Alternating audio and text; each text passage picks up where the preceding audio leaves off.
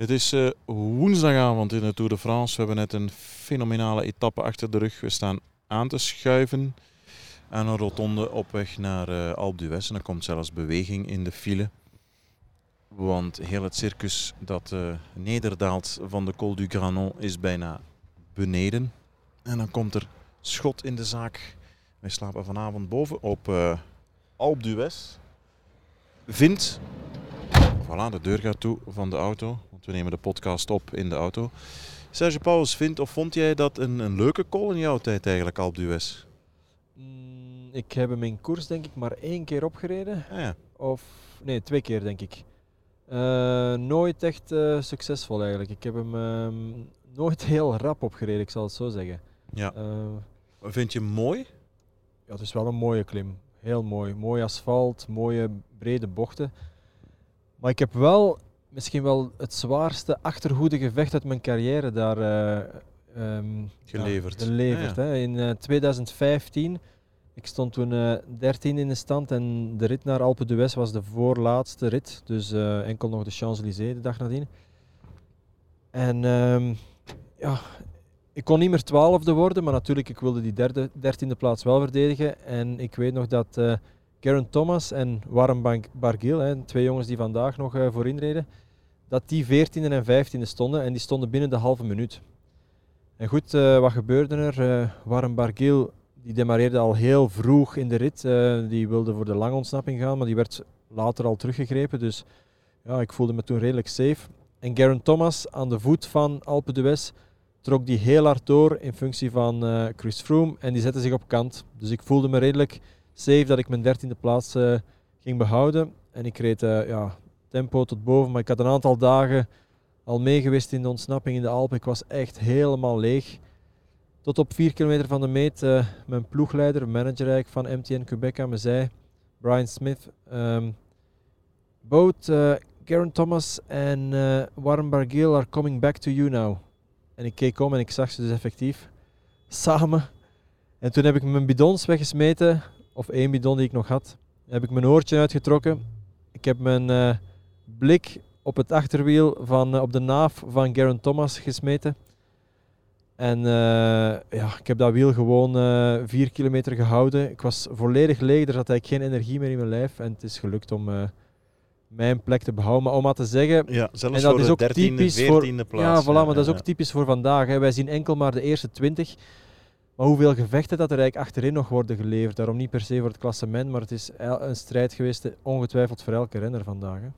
Ja, toch nog een klein bijvraagje daarbij. Met mooi bedoel ik ja, een, een Col d'Isoran een Granon, gelijk vandaag, een Isoar, dat zijn kools, prachtige kools in de natuur. Alpe d'Huez is eigenlijk geen kool in de natuur. Hè. Dat is tegen een bergflank en ja, komen een paar dorpjes voorbij. En Ja. boven is het bijna een industriestad. Dat bedoel ik met mooi. Ik vind het persoonlijk niet mooi. Ja, ik kan je daar wel in, eh, in bijtreden. Want als je vandaag bijvoorbeeld die Col du Granon ja, bekijkt, dat is echt wel een, een, een, schilderachtig landschap. Hè. Je hebt altijd zicht op eh, Briançon, op de, de berg in de, in de omgeving. Mhm. Maar mooi vind ik wel, het mooie aan Alpe d'Huez is wel dat het ja, mooi asfalt is, dat het mooie bochten zijn. Ehm, ja, het is eigenlijk wel een, een klim waar je op kan gaan koersen. Hè. Dat is, het lijkt wel alsof die gemaakt is eh, voor, de, voor de renners in de Tour de France. Dat is waar. Goed, de dag van vandaag. De etappe van vandaag. We hebben heel wat meegemaakt, heel wat gezien. Waar wil je eigenlijk beginnen? Met eh, de aanval van der Poel van Aert? Laat ons dat misschien maar doen. Ja, en dan meteen ook eh, ja, eraan toevoegen hoe frappant eigenlijk dat het kan zijn, of hoe snel dat het kan veranderen. Hè. Van der Poel, ja, na een uur koers dachten wij, of na een half uurtje, en toen hij voorop reed met, eh, samen met Wout van Aert, ja, dan dachten we, wat gaat dit eh, geven? Hè? Gaan die twee hier eh, die bergrit eh, voorop rijden? Ja, en een uurtje later ehm, was er dan dat nieuws van de opgave van Van der Poel. Ik weet niet of het ooit al is voorgevallen dat een renner eerst in de aanval gaat en dan later gewoon in de volgauto kruipt zonder dat hij ja, gevallen is of, of ziek is of wat dan ook. Dus ja, heel allee, schril contrast eigenlijk. Hè. Ehm, Hij zal zichzelf getest hebben misschien, hè? met het oog op de toekomst de komende dagen. Van, gaat het echt nog ja, aan een aanvaardbaar eh, snelheid en niveau of, of niet? Hè? Kon hij bijvoorbeeld de hartslag de hoogte injagen of zichzelf nog pijn doen? Hij Ja, zal dat getest zoiets. hebben. Hè?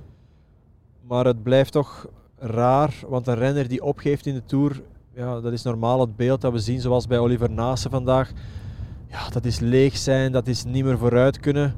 Dan kan je normaal niet tegen 57 per uur wegrijden van een peloton eerst. Dat is, eh, Nee. ja, dat is iets wat ik me niet kan voorstellen. Maar goed, ik denk dat het eh, advies en het devies heel duidelijk is voor Van der Poel. Even eh, resetten, het lichaam terug, echt laten rusten na Giro en eh, mislukte ronde van Frankrijk. En dan mag jij meteen bijschrijven als een van de topfavorieten voor het WK in Australië, toch? Ja, en ik denk eh, effectief dat het voor hem de beste beslissing is. Hè. Heel verstandig, want eh, ja, zo iemand eh, die kan je niet laten verder koersen aan 80%. Hè. Dat, is, dat is voor niets goed. Je moet, eh, ja, zoals je zegt, even gas terugnemen, resetten. Een beetje nadenken waar de volgende doelen kunnen liggen.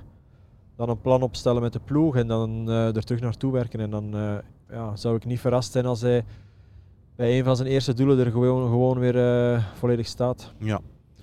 Dan heel wat gefilosofeer, gespeculeer over een mogelijke te volgen tactiek van Jumbo-Visma. En ze pakken daar meteen al mee uit op de Telegraaf en de Galibier. Had je dat verwacht, zo vroeg? Ik had eerder gedacht eh, op de Galibier, maar wel vanaf het begin van de Galibier. Het was nu eigenlijk al eh, op het einde van de Telegraaf. Maar ja, goed, je spreekt eigenlijk vaak maar over één klim. Hè. Het is toch altijd die combinatie. Er is, niet, eh, er is geen andere weg na de Telegraaf. Dus het is altijd Telegraaf, Galibier, die combinatie.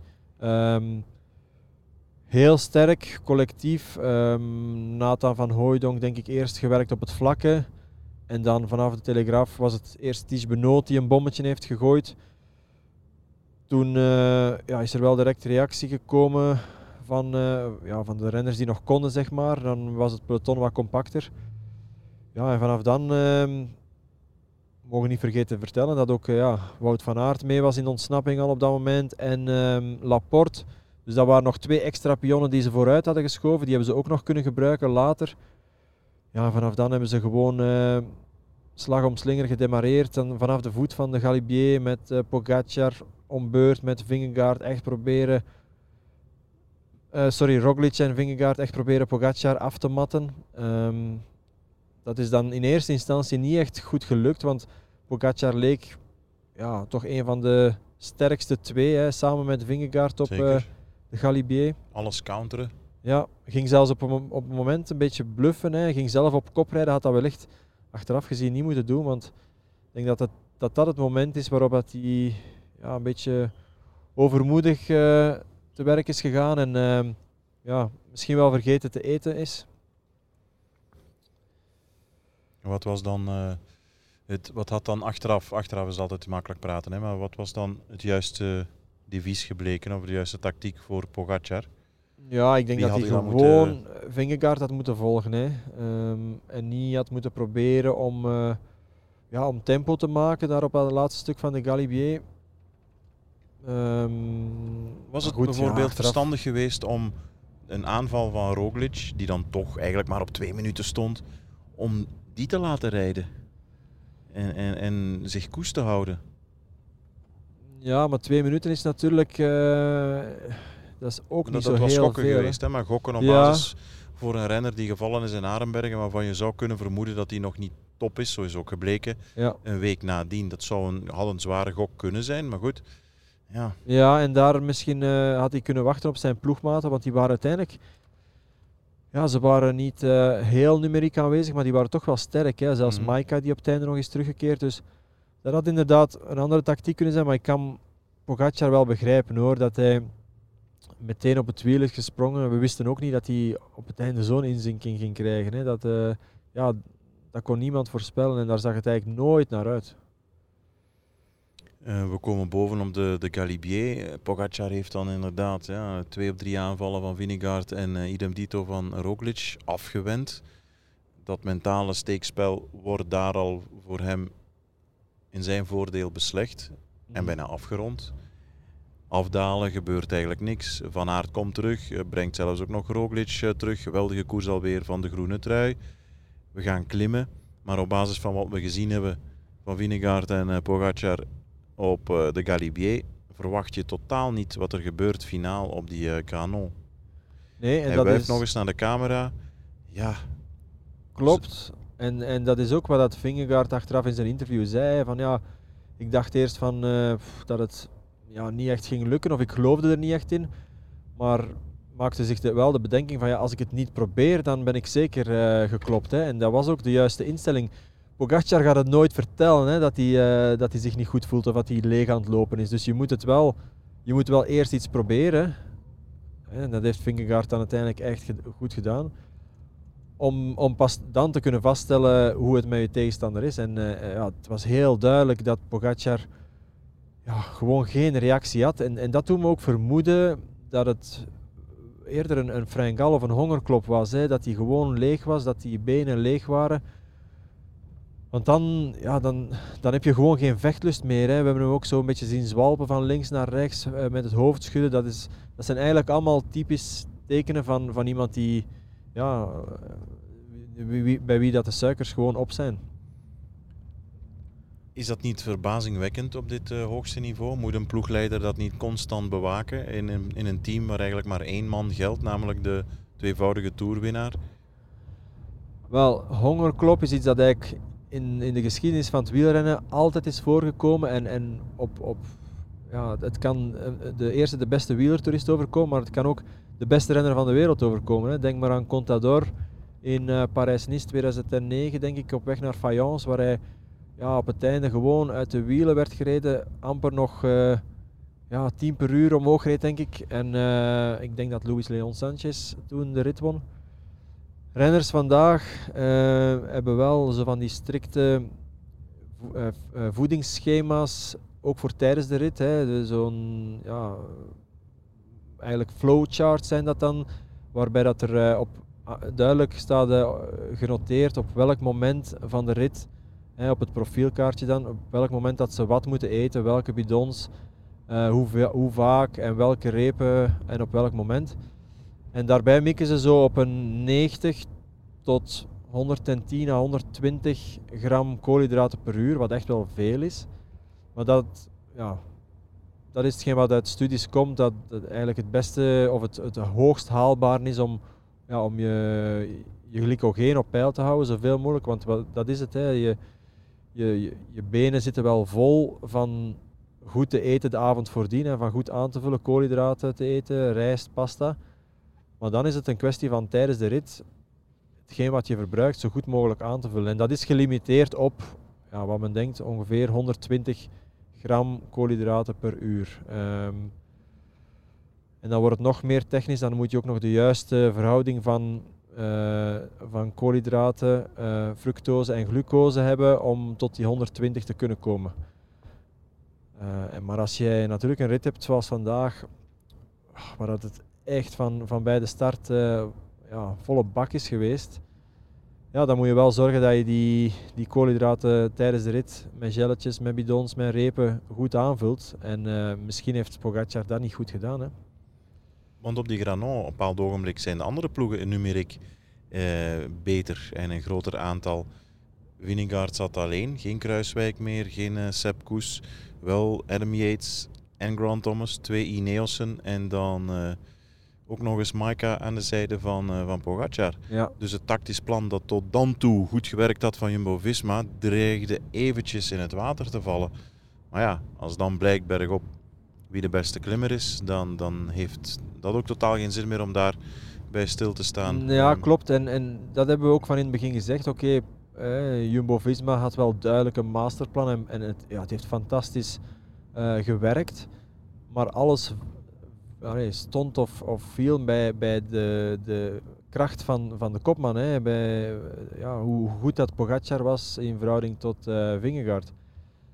Natuurlijk, het is wel de verdienste van Jumbo-Visma dat zij ervoor gezorgd hebben dat de koers enorm hard is geweest en, en dat op die manier ja, Pogacar aan het einde van zijn krachten is gekomen. Want mhm. zonder een harde koers en zonder dat collectief uh, werk van Jumbo-Visma ging, gingen ze wellicht ja, een rustigere rit hebben gehad uh, en pas op de, op de slotklim hebben doorgereden. En dan had Pogacar misschien gewoon Vingegaard kunnen volgen of hem wel kunnen kloppen.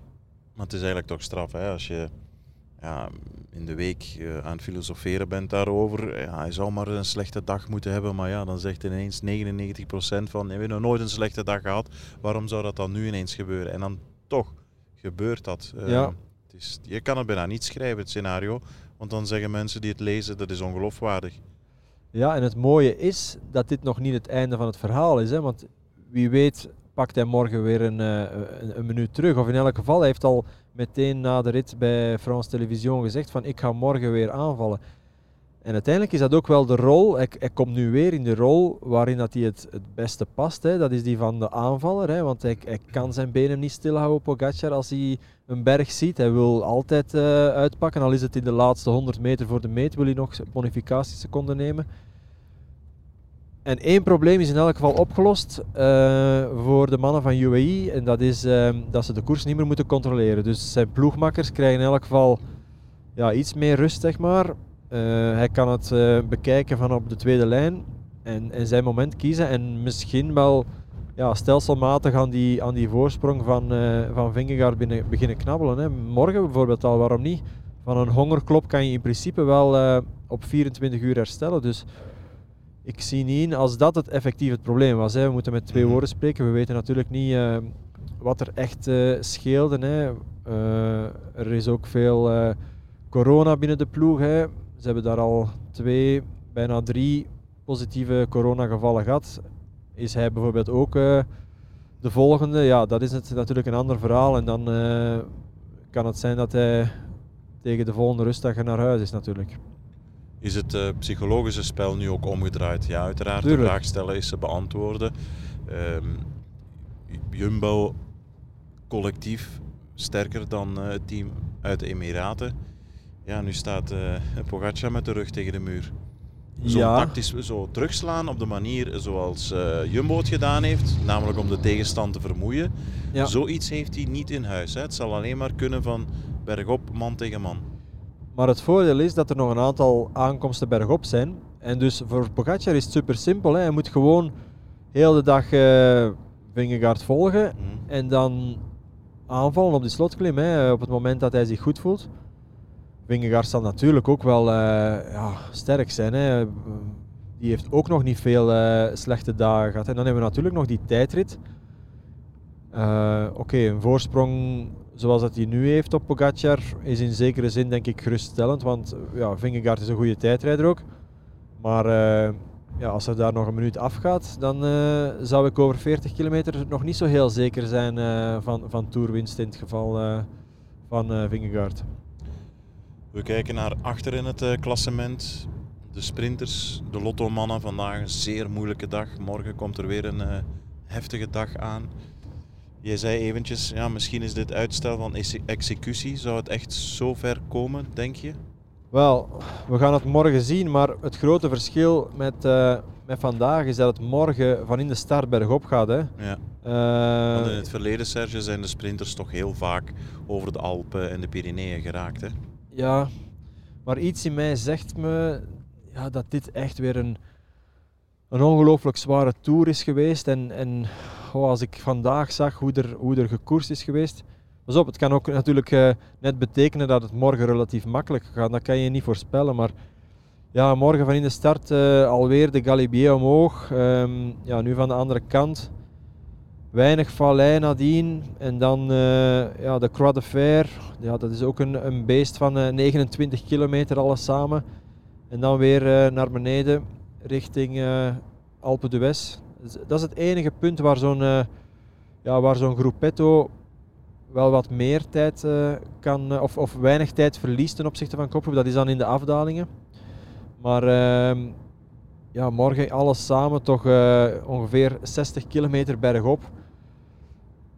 Ja, ik denk dat er in elk geval een aantal renners met een bang hartje gaan, gaan slapen vanavond.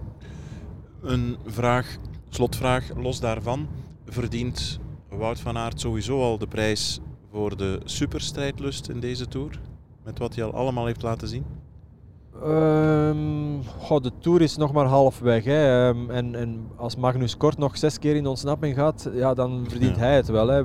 Vergeten we niet ja, dat hij in Denemarken in ontsnapping was, dat hij gisteren ook heel de dag mee was en, en uiteindelijk de rit won. Ja.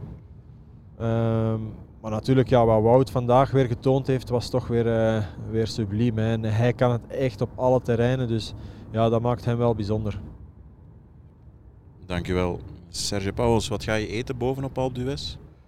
Goh, uh, ik weet niet wat de pot zal schaffen, maar ik hoop vooral uh, ja, dat we ongeveer iets vroeger toekomen dan gisteravond, hè, Christophe. Toen was het uh, ongeveer 11 uur zeker als we op hotel waren. Ja. Hebben we nog gestopt voor een pizza onderweg. Vanavond op Alpe d'Huez, ja, maakt mij niet zo uit. Een lekkere vettige raclette, iets dat voor zou, een ex-coureur. ja, dat, dat moet zeker kunnen. En dan fiets ik het er morgen wel af door een stukje naar beneden te rijden, Alpe d'Huez en weer omhoog. Dankjewel en tot morgen, Serge Pauwels. Alsjeblieft.